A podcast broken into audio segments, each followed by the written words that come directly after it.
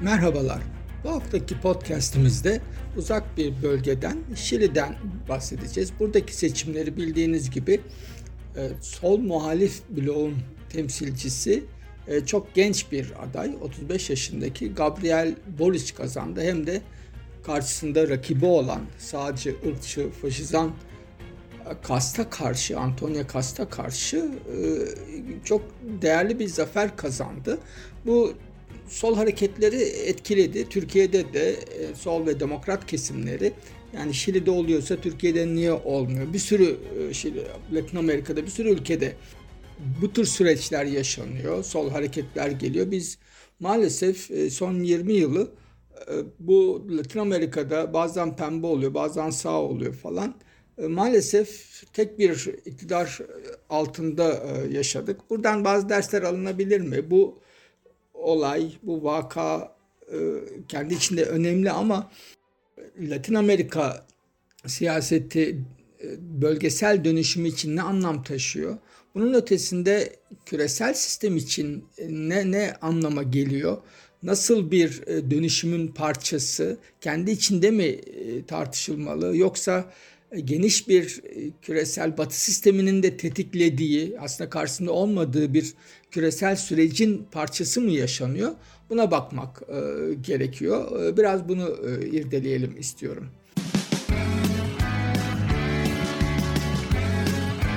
Oku, dinle, izle. Kısa Dalga. Şimdi Şili'nin bir hikayesi var. Türkiye'de e, artık hani sol için neredeyse bir ezber haline geldi bu. E, işte Alen'de e, seçimle iktidara geldi sosyalist bir hükümet. Pinochet darbesiyle Amerika'nın tetiklediği işte kamyoncular grevi CIA'nın içinde olduğu falan. Bunlar yani sol ezberlerden biri aslına bakarsanız. Hani yıllardır biz bunları duyduk. Bunlarla büyüdük neredeyse ve bunları tekrar etmeye gerek yok. Ee, işte arkasından işte Chicago okulu Friedman burayı ziyaret etti. Ee, özelleştirme burada denendi falan. Bunların hepsini biliyoruz. Fakat tabii neoliberalizm ilk deneme tahtası e, laboratuvar olarak kullanıldı. Bunlar artık hani çok e, sıradan bilgiler. Hani orijinal bir şey söylemiş olmuyoruz. Onun için tekrarı da gerek yok. Fakat çok e, sert uygulandı e, neoliberalizm. Mesela Türkiye'de öyle değil. Yani Türkiye'de de bir askeri darbe var. Üstüne Özal var falan ama Mesela işte bütün eğitim sistemi özelleştirilmedi. Özel üniversiteler açıldı. Özel, özel okulların sayısı arttı. Ama eğitim sistemi mesela tersine gidişler oldu Türkiye'de. İşte okul ders kitapları ücretsiz dağıtıldı falan. Erdoğan iktidarının şey sağlık sistemine bir dönem yatırım yapıldı Türkiye'de. Bunun emeklilik sistemi e, falan hani işledi e, ne de olsa. Şimdi Şili'de pardon, genel olarak hani bunlar e, sorunlu işledi. Fakat iktisadi olarak Şili ekonomisi Latin Amerika ülkeleri arasında hani bir başarı hikayesi olarak da gösterildi. Bu da çok doğal. Yani siz bu kadar yoğun bir sömürü, bu kadar bir özelleştirme, bu kadar e, artı değer aktarımı yaparsanız sermaye kesimine e, tabii ki ekonomik büyüme e, sağlayabilirsiniz. Yani ekonomik büyüme gelir dağılımı adaletsizliğinin artması pahasına sağlanan bir ekonomik büyüme oldu. Evet ekonomik verileri fena değil. İşte 13 bin dolar kişi başı gelir kağıt üstünde gözüküyor. Ee, işte reytinglerde çok yüksek. Bizde mesela Türkiye junk yani hani yatırım yapılamaz bir ülke. Derecelendirme kuruluşlarının değerlendirmelerine göre Şili öyle değil. Yani bayağı iyi, iyi, iyi düzeyde gözüküyor. Hatta komşu işte Peru ve Bolivya'dan hatta Kolombiya'dan daha uzak e, yerlerden e, göç dalgası var e, Şili'ye enteresan bir şekilde. Arjantin'den bile oluyor bazen. E, bunu nasıl önleriz? Onlar da şaşırıyorlar. Çünkü eskiden göç veren ülkeler ülkeydi. E, dolayısıyla bir başarı öyküsü gibi duruyor. Tabii dünyada çok en önemli bakır kaynakları e, şeyde yatakları Şili'de. Buna lityum da eklendi. İşte elektrikli arabalar ve cep telefonlarının bataryaları için çok önem taşıyor biliyorsunuz. Fakat tabii neoliberalizmi tek başına çok uzun süre bir model olarak uygulamak kolay değil. Çünkü çok büyük gelir farklılıkları yaratıyor. E, gelir dağılımı adaletsizliği yaratıyor ve bu bir yerde patlıyor. Yani hem iktisaden de patlıyor, krize giriyor. Yani kapitalizmin doğasından kaynaklanıyor tabii. Yalnız neoliberalizmle ilişkilendirmek de doğru değil. Çünkü işte sosyal devlet anlayışı, Keynesyenizm de hani krize girebiliyor. Onun da krizini yaşadı dünya 70'lerin sonunda. Sonra sonuçta sorun hani kapitalizmin kendisiyle e, ilişkili. yapısal bir sorun var burada. Neoliberalizm olsa da olmasa da. Şimdi 2000'lerde, 2010'larda kriz şey artıyor e, toplumsal rahatsızlık ve bu dışa vuruyor yani sokak gösterileriyle. Çok uzatmayayım bunun en büyüğü 2019'da. Ekim 2019'da işte metro ücretlerini artırınca e, öğrenciler biletsiz gir, girmeye başlıyorlar vesaire ve bütün toplumu e, buna davet ediyorlar ve büyük bir kriz yaşanıyor. Yani toplumsal bir ayaklanmaya dönüşüyor. Milyonlarca insan sokağa çıkıyor. İşte onun üzerine hükümet tren seferlerini, metro seferlerini durduruyor. Bir kaos yaşanıyor falan hani. Ve ondan sonra da işte bir toplumsal talepleri karşısına alamıyor. Hala Şili, Pinochet döneminde 1980 e, anayasasıyla yönetiliyor Şili ve yani bu en azından anayasanın e, değiştirilmesi e, konusunda bir toplumsal talep ortaya çıkıyor ve işte hükümet de buna boyun eğiyor. İşte bir kurucu meclis diyelim. Orada da tabii günümüz küresel siyasetine uygun şeyler. İşte bir Mapuche yani hani orada ki yerel gruplardan birinin temsilcisi kadın işte kurucu meclisin başına geçiyor. 17 temsilcisi seçiliyor falan. Bunlar yeni bir anayasa hazırlayacaklar falan ve burada şey oluyor artık hani solun ağırlığı ortaya çıkıyor. Şimdi yapılan seçimlerde e, geçen ay şöyle bir e, durum var. Tabii ki şimdi karşıdaki aday tabii işte Trump vardı işte Bolsonaro'ya yakın falan bir hani sağcı faşizan bir adam. Casti, Antonio Casti biri. İşte çamur atıyor falan seçim e, siz, kampanyası sırasında. Fakat 12 puan fark atıyor ikinci turda e, Boric. İşte 35 yaşında dövmeli falan. Belki dünya tarihinin e, böyle açık yani dövmesi açıktan görülen sanırım ilk şeyi de olabilir. E, modern dönemin ilk e, başkanı da olabilir. Çok ben e, rastlamadım şimdiye kadar. Yani çok önemli bir şey değil ama yeni bir kuşağın temsilcisi olarak hani simgesel bir anlam ifade edebilir yalnızca. Şimdi onun seçilmesiyle işte neoliberalizmi burada doğdu, burada gömeceğiz. Tamam, iyi, güzel. Önemli bir e, slogan, hani çarpıcı, vurucu bir şey. Keşke burada da muhalefet mesela bir tane aklımızda kalan çarpıcı bir hani slogan bulabilseydi. Şimdi şöyle bir e, husus var bu e, yeni e, şeyle hani seçimle yeni bir gerçeklik ortaya çıkıyor ve Pinochet sonrası dönemin dinamiklerinde bir şekilde sona erdirme ihtimali taşıyor. Şimdi Pinochet dönemi model olarak baktığımızda neoliberalizm artı otoriter bir hani askeri rejim. Şimdi Pinochet sonrasında ise evet demokrasi ittifakı var, konsertasyon adı verilen. Fakat orada da Pinochet'in ekonomik modeli devam ediyor ama siyasi üst yapısal olarak bir liberal demokrasi uygulaması var. Şimdi bu üçüncü aşamada yani acaba Pinochet döneminin uzantısı olan ekonomik model yani neoliberal model tamamen ortadan kalkacak. Yani hem siyasal liberalizm hem neoliberalizmden uzaklaşmış bir sosyal devlet anlayışı bir arada mı olacak? Şimdi o üçüncü aşamaya mı geçiliyor tartışması var. Kısmen doğru geçilecek. Fakat e, burada böyle büyük bir devrimci e, atılım radikal bir kırılma falan beklemek de doğru değil. Hani böyle bir zafer havası yaratılıyor. Bunu bir önemli nokta olarak belirtmemiz e, gerekiyor. E, şimdi Boric'in kendisine baktığımızda hani yavaş yavaş şeyin siyasi söyleminin hani bir sürü yerde gördüğümüz gibi hani dönüştüğünü görüyoruz. Şimdi bunun e, siyasal arka planına baktığımızda ise hani şöyle bir durumla karşı karşıyayız. Hani küresel olarak bir defa şunu net olarak söyleyelim.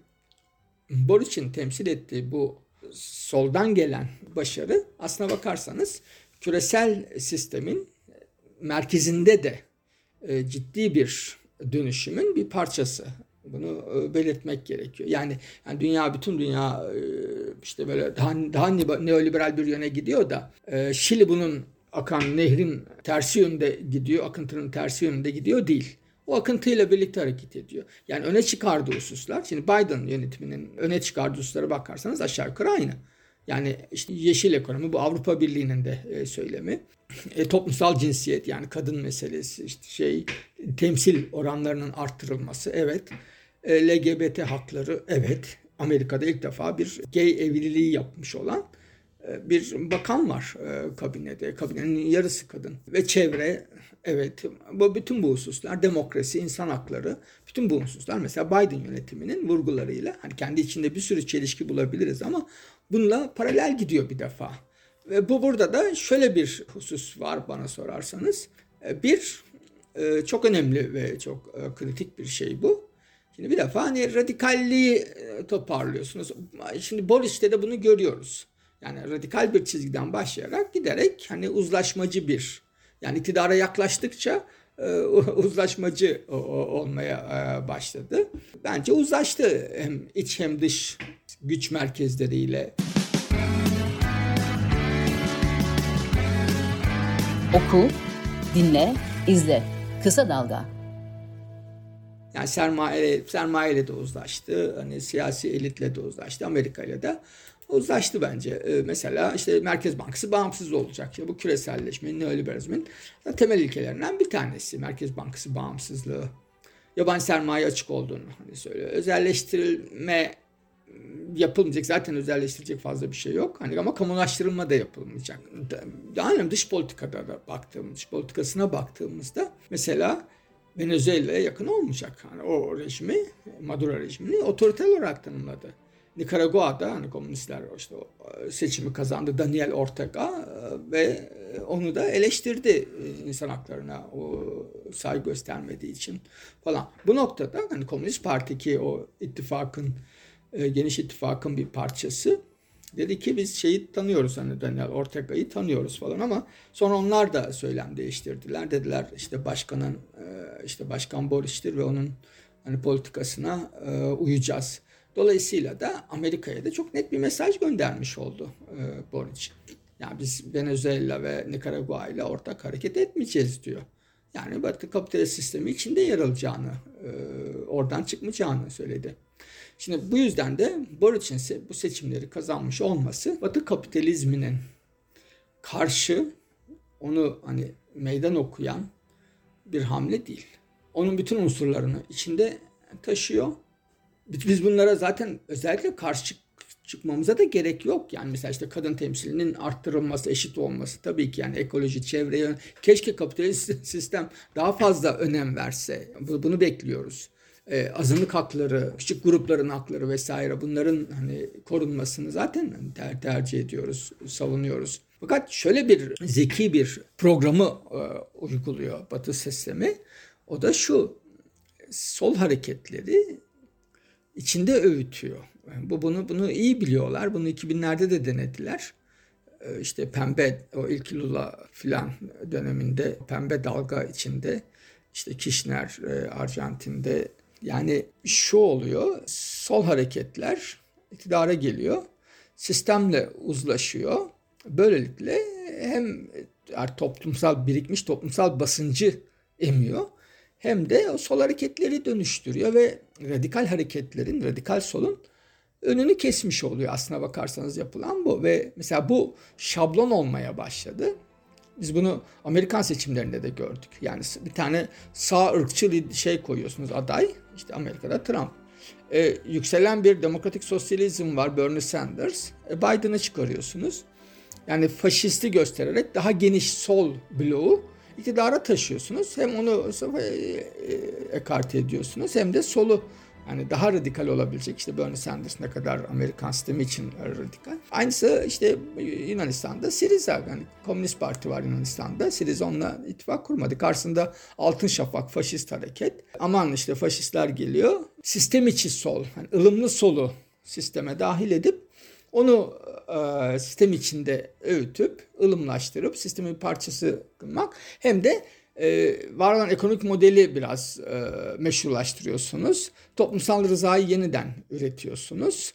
Hani solu sistemik bir sol haline getiriyor. Kapitalizm bunu iyi bilir. Bu 60'larda da izlediği bir politikadır. Hani sistem içi solla kendi restorasyonunu sağlama politikasıdır bu. Bence Latin Amerika'da buna doğru geçiyorlar. Hani bizim için hüzünlü olan kısmı, hani zorlayıcı ve üzücü kısmı biz bunu bile yaşayamıyoruz. Yani e, Türkiye'de bırakın böyle işte sol iktidara gelmesi ama uzlaşması hani sistemle hani kapitalist sistemle uzlaşması hatta neoliberalizmle uzlaşması falan.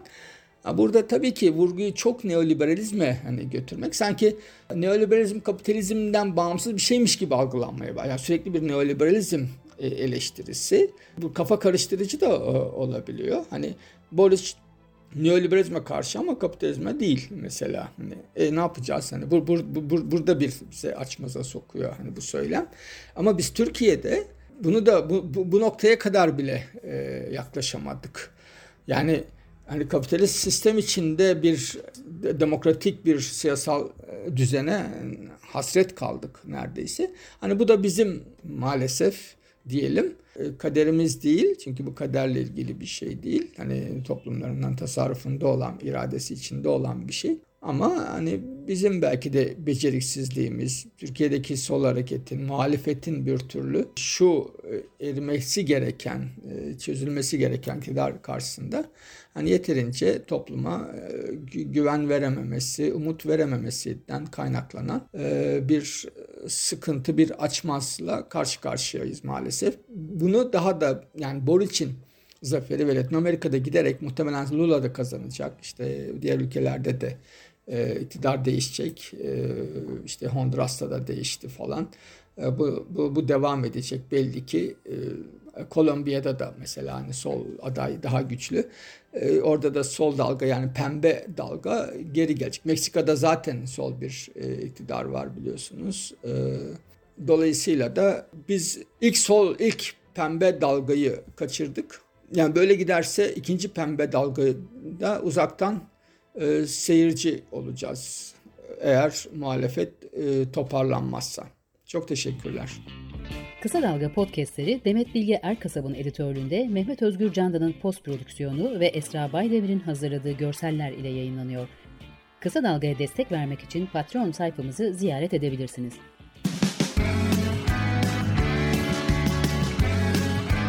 Oku, dinle, izle.